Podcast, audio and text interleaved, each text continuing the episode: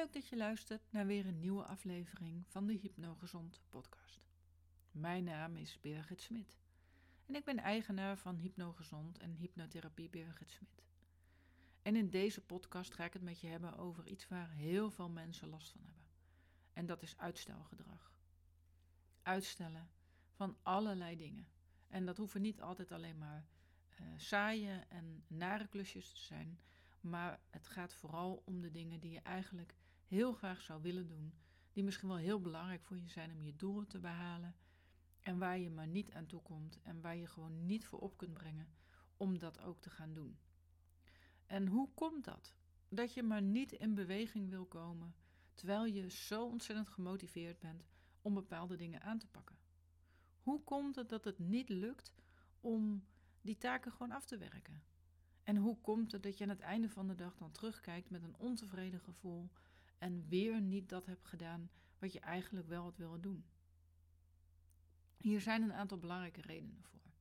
En eigenlijk is alles weer terug te funnelen naar één en dezelfde overtuiging, die we massaal in ons collectieve systeem als een soort van ja, normaal ding hebben opgeslagen. En waar we met ons denken helemaal niet zo bij kunnen. Wat we misschien zelfs zullen ontkennen. En daarom gooi ik hem ook nog niet meteen in de groep. Ik ga dat later in deze podcast uiteraard wel doen. Maar als ik dat nu doe, dan ben je misschien wel meteen weg, omdat je denkt: ja, nee, maar dat geldt niet voor mij.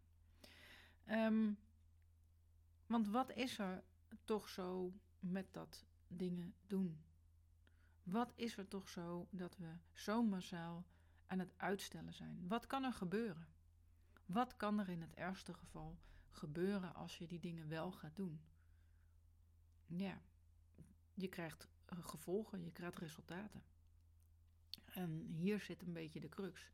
Op het moment dat je resultaten krijgt en die voldoen niet aan je verwachtingen, ja, dan zou je kunnen concluderen dat je gefaald hebt. En dat is niet zo. Je krijgt alleen een ander resultaat. Maar het kan wel voelen als falen. En dat gevoel van falen, dat is iets dat willen we niet, uh, niet voelen, liever niet. Dus dan is het natuurlijk een heel goed idee om gewoon niets te doen. Als je niets gaat doen, kun je ook niet falen, kan er niks gebeuren en ben je eigenlijk veilig. Dan is er nog een ander iets dat hangt daar natuurlijk allemaal ook mee samen. Op het moment dat jij dingen gaat doen en je krijgt een resultaat, wat dan ook, het kan ook een resultaat zijn wat voor jou heel erg goed is en waarvan jij zegt van ja, dat had ik ook wel verwacht. Uh, dan is het zomaar zo dat daar de omgeving waarschijnlijk wel iets van gaat vinden. En dat kan goed zijn, dat kan slecht zijn. Uh, maar als je kijkt naar, uh, we pakken een groepje mensen, er zal een groepje zijn die zal zeggen van ja, ik vind het een prima resultaat. Heb je goed gedaan. En er is ook een groepje die zal zeggen, nou, ik vind het helemaal niks. Je kunt het dus eigenlijk nooit goed doen. En daar hangt ook een beetje dat perfectionisme aan vast. Um, en dat je het nooit goed doet. Of dat er in ieder geval altijd een groepje zal zijn die het misschien helemaal niet zo heel erg leuk vindt wat je doet. Um, dat wil je liever niet. Want dat is een soort van kritiek. Dat is een bepaalde vorm van afwijzing. Uh, dat is iets dat wil je liever uh, voorkomen. Die oordelen uh, van anderen. Dus op het moment dat je dat wil voorkomen, is het ook een heel goed idee om gewoon niets te gaan doen. Om dan maar uit te stellen. En om het voor jezelf nog een beetje leuk te houden, kun je natuurlijk die ideeën wel hebben. Kun je al die ambitie wel hebben om al die dingen te gaan doen. maar het ook echt gaan doen, dat is dan niet per se een optie.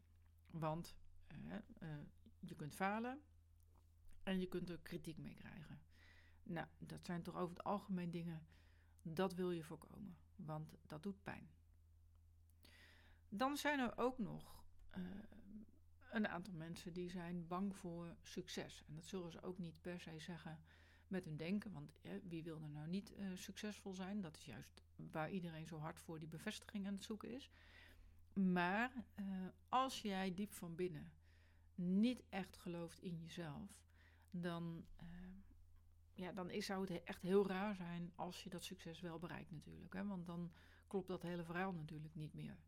En dus als jij jezelf niks waard vindt, dan zou het heel raar zijn als je heel veel waarde krijgt. Want dat ben je niet waard dan, tenslotte. Uh, en dat is niet hè, wat ik zeg, maar dat is dan wat jij zelf gelooft. Um, wat daarbij ook uh, samenhangt, en dat hoor ik heel veel mensen zeggen. Ik weet niet wat ik wil en ik weet niet wie ik ben. En ik wil daar achter komen. Want ik kan geen keuzes maken. En dan ga je zeker ook niks doen. Dan ga je ook uitstellen. dat is een hele goede reden om te zeggen: ik doe me even niks, want ik weet nog niet precies wat ik wil doen. En zolang je niet weet wat je wil doen, ga je ook niks doen, kan je niet falen, kan een ander er ook niets van vinden.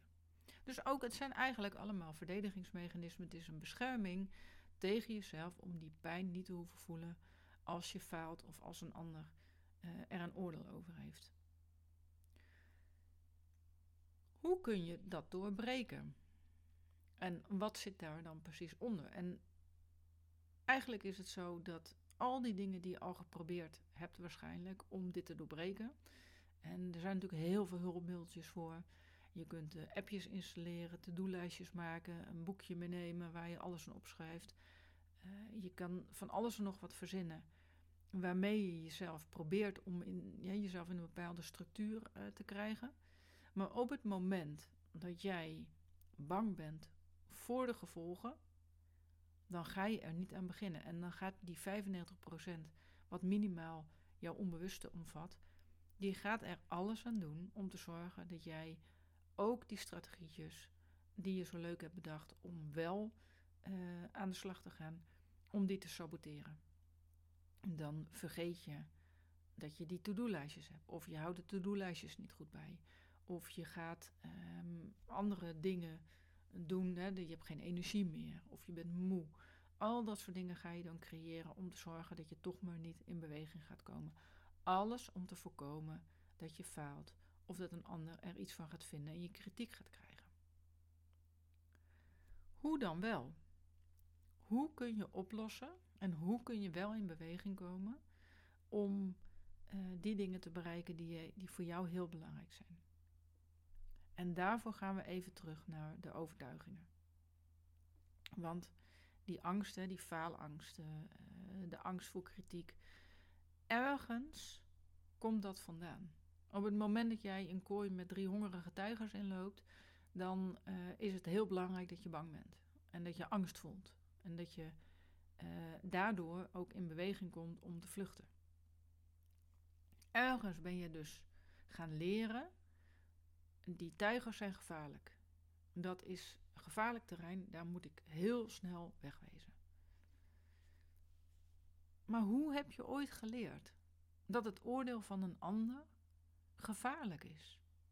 Dat dat ongeveer gelijk staat aan het gevaar van die tijger. Dat heb je ooit geleerd, dat heb je ooit aangenomen als een waarheid. Daar ben je niet per se mee geboren. Dat heb je geleerd. Dat is ook uh, mensen die bang zijn voor spinnen. Je wordt niet geboren met angst voor spinnen. Uh, kinderen die zitten heel vaak, hè, een, een, een, heel klein kindje, die pakt een spinnetje op, kijkt ernaar, wil het in zijn mond stoppen en mama begint te gillen. Niet doen, niet doen. En die slaat het handje weg met die spin. En het kind leert, oh, kennelijk is een spinnetje gevaarlijk. En hoppa, daar is de spinnenangst gecreëerd. Zo gaat dat ook met het oordeel van die ander. Ooit heb je geleerd, heb je iets ervaren waarin je een bepaald negatief gevoel voelde op het moment dat iemand anders kritiek op je had. Op het moment dat iemand jou pestte misschien wel.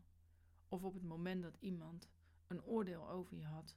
Of misschien niet goed voor je zorgde. Of je op een andere manier benaderde wat voor jou niet heel prettig overkwam. In plaats dat je dat bij die ander bent gaan houden, ben je dat op jezelf gaan betrekken. Alsof jij niet goed genoeg bent. Alsof jij het allemaal niet kan. En die ander wel. Dus je hebt heel veel waarde gegeven aan het oordeel van die ander. En je bent heel weinig waarde gaan hechten aan je eigen oordeel. En op die manier heb je jezelf een stukje weggegeven aan die ander. En dat is niet gebeurd in de laatste jaren. Dit soort overtuigingen ontstaan al in je hele jonge kindertijd. Daar waar je nog niet eens een goed ontwikkeld denken hebt, daar waar je puur reageert op basis van instinct en op basis van overleving. Want op het moment dat jij uh, als heel klein peutertje, laten we daarover hebben, uh, bijvoorbeeld um, een hete theepot van de tafel probeert te pakken en mama begint te gillen, dan uh, kan dat peutertje, dat gaat dat oppakken als zijnde, ah, ik heb het niet goed gedaan. En mama is boos. En oh jee, als ze nou nog maar voor me gaat zorgen. Dat is niet wat dat peutertje denkt, maar dat is wel wat dat peutertje voelt. Oh, er is een gevaarlijke situatie. En er was ook een gevaarlijke situatie, want die hete theepot die moest zeker niet over dat peutertje heen komen. Maar moeder begon te gillen omdat het schrok en vanuit die schrik gaat het boos doen en uh, misschien roepen. Heeft niets met het kind te maken. Maar wel alles met de angst van de moeder. Die zag namelijk, kon overzien wat er zou kunnen gaan gebeuren. Maar een kind installeert op dat moment: ik heb het niet goed gedaan en mama is boos en dat is een gevaarlijke situatie, want mama is belangrijk voor mij om voor te zorgen.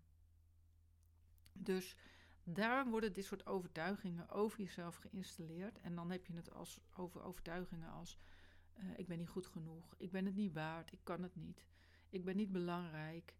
Um, al dat soort overtuigingen die nestelen zich als het ware onder je huid en uh, sturen uiteindelijk ook jouw gedrag en jouw denken in je latere leven.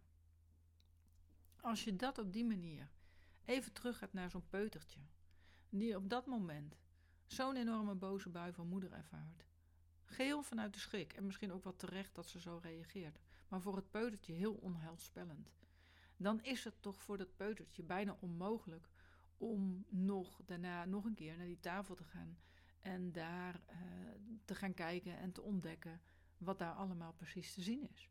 Want dan loopt dat peutertje het risico dat mama weer boos wordt. Want die ziet niet, die koppelt dat niet aan het gevaar wat er op dat moment was. Nee, die heeft geleerd, alles daar in die buurt van die tafel is kennelijk gevaarlijk. Want mama is boos, dus elke keer komen die uh, gevoelens weer omhoog op het moment dat die tafel in beeld komt. Bij wijze van, hè, in dit voorbeeldje. Dus op het moment dat je op die manier um, uh, geprogrammeerd bent, geconditioneerd bent, dan is het logisch dat je op latere leeftijd dat je momenten gaat krijgen waarin je je niet helemaal happy voelt, waarin je je misschien niet sterk voelt, waarin je mentaal wat verzwakt bent. Dat zijn vaak de momenten, dan ga je zeker niet meer in beweging komen, want dan kan je het er ook niet nog eens bij hebben als je dingen gaat doen en het komt niet uit zoals je verwacht had. Of als het dan allemaal niet zo lukt en je ook nog kritiek of afwijzing ermee uh, op je hals haalt. Op het moment dat je sterk bent en vol energie, kun je veel meer hebben. Dus in die periodes, in die fases, zal je ook merken dat je veel meer in staat bent om wel bepaalde dingen te gaan doen. En dat voelt dan ook vaak wel goed, want dan heb je ook, kom je in beweging, je bent in actie, je bent niet zo heel erg bezig met wat die buitenwereld allemaal ervan vindt. Totdat je uh, weer wat meer vermoeid raakt en het onbewuste deel in jou zegt: Nou, het is wel genoeg geweest. Of misschien als je een keer een opmerking hebt gekregen um, die je wat negatiever hebt opgepakt, kan dat meteen ook een reden zijn om weer te stoppen en om weer te vervallen in het uitstelgedrag. Alles is daarmee gericht op die buitenwereld, op wat een ander ervan vindt en is niet, komt niet voort uit wat jij zelf wil. Het is dus mega belangrijk dat je in jezelf dat vertrouwen en dat geloof gaat creëren, waardoor het niet meer belangrijk is wat een ander ervan vindt. Dat afwijzing of kritiek van anderen dat het helemaal niets meer met jou te maken heeft. En dat het misschien vroeger als kind wel heel bedreigend was als er grote mensen boos op je waren, maar dat dat nu niet meer het geval is. Dat je dus ook je niet meer hoeft te laten weerhouden om in actie te komen. Want hoe fijn is het als je die dingen kunt doen waar jij echt plezier uit haalt en die voor jou belangrijk zijn, zonder dat je na hoeft te denken over wat een ander daar nou precies van vindt. Want dat is wat we allemaal aan het doen zijn. Aan de verwachtingen voldoen, rekening houden met wat anderen ervan vinden, uit angst voor de pijn die we voelen op het moment dat die ander daar kritiek of een oordeel over heeft. Het is zo jammer, want het belemmert je in je eigen vrijheid om jouw leven te maken zoals jij dat wil. En het belemmert je niet alleen in de leuke dingen op een positieve manier, maar het belemmert je in nog veel meer. Want het levert zoveel frustratie, onrust en stress op. Op het moment dat je blijft uitstellen. En dan vervolgens als je kijkt naar het totaal, alleen nog maar bezig bent met klusjes en dingetjes die vrij veilig zijn, maar waar je eigenlijk heel weinig voldoening uithaalt, dan gaat de balans gewoon mis.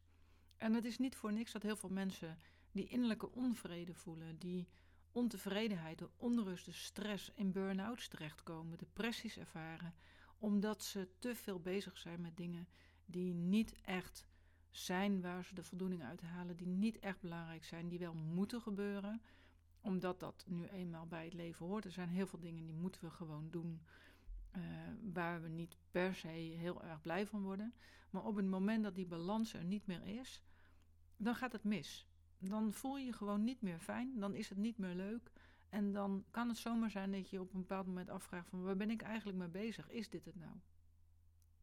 En dat is jammer. Want op het moment dat jij afrekent met die overtuigingen die in jou zitten.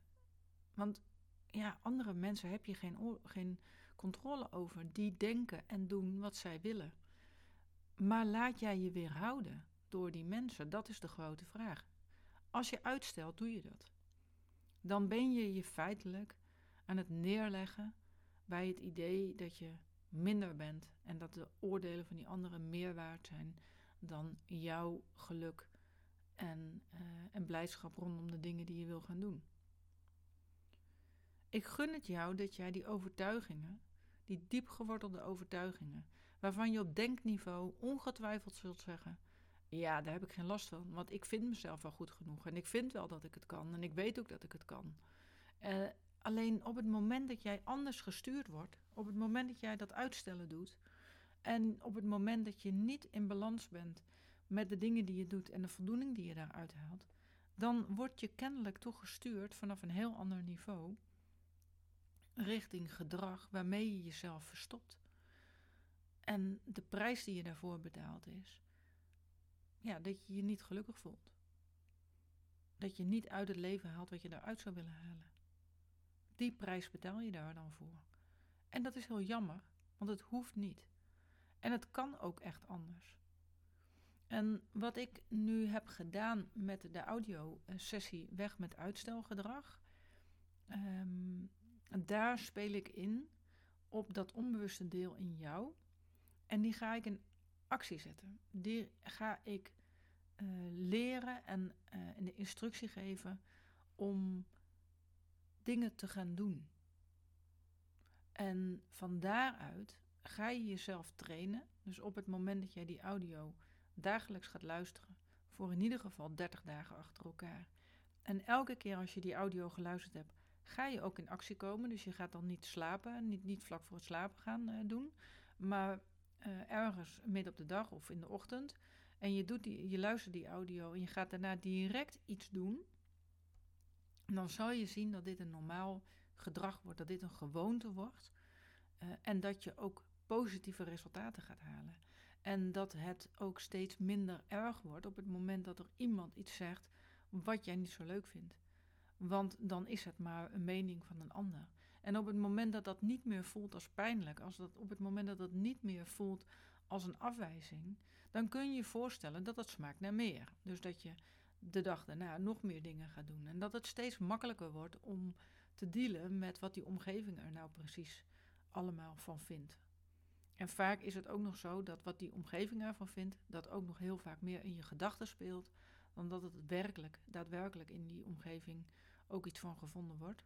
Maar dat is weer een ander, uh, ander iets waar ik wel een keer een podcast over zal opnemen. Met deze audio uh, ga je dus echt aan de slag om uh, een nieuw neuraal pad aan te leggen in je brein, waarin je in actie komen als een soort normale gewoonte gaat uh, zien en ook doen.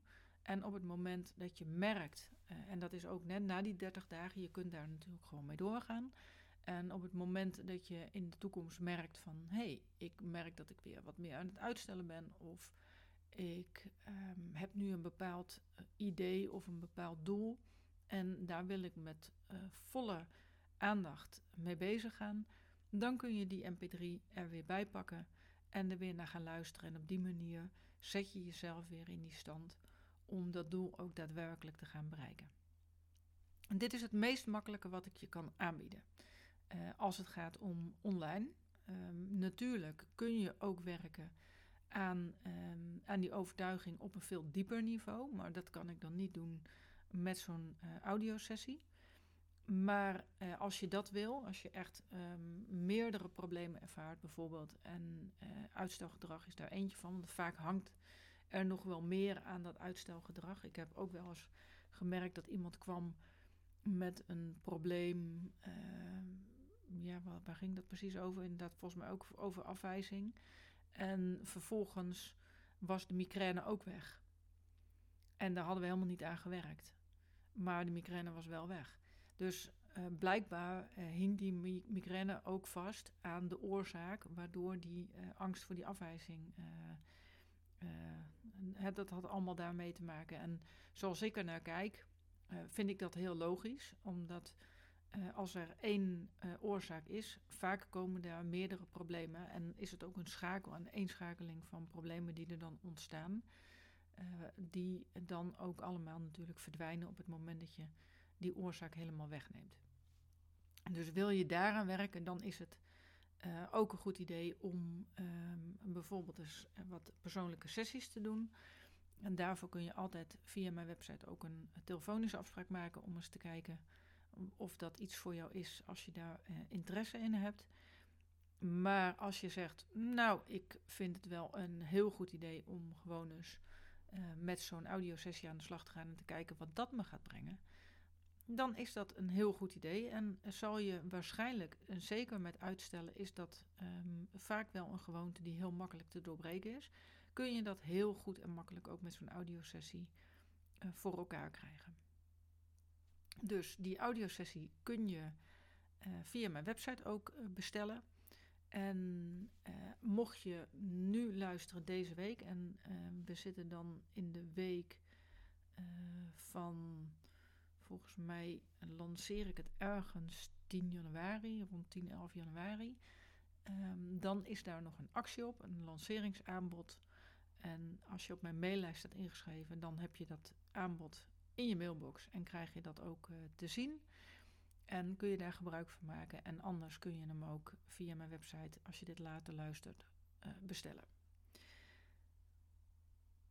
Uitstellen is dus niet nodig. Het leidt alleen maar tot onrust. Het leidt tot stress. Het leidt tot een ontevreden gevoel. Het maakt je moe, uitgeput. En uh, het leidt in ieder geval niet naar een leuk leven.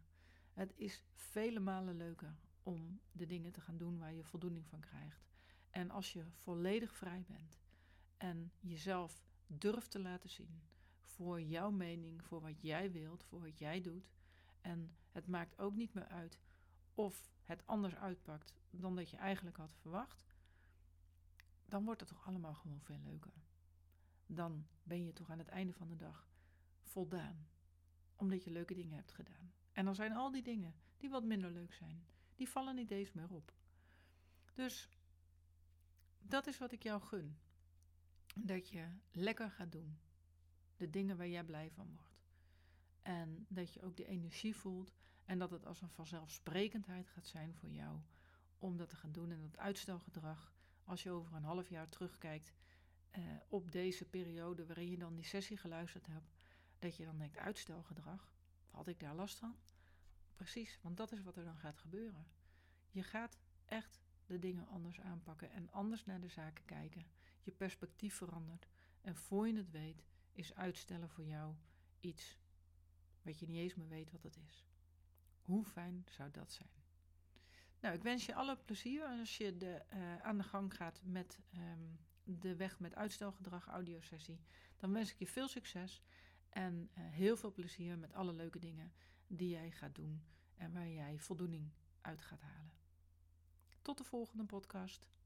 Doeg!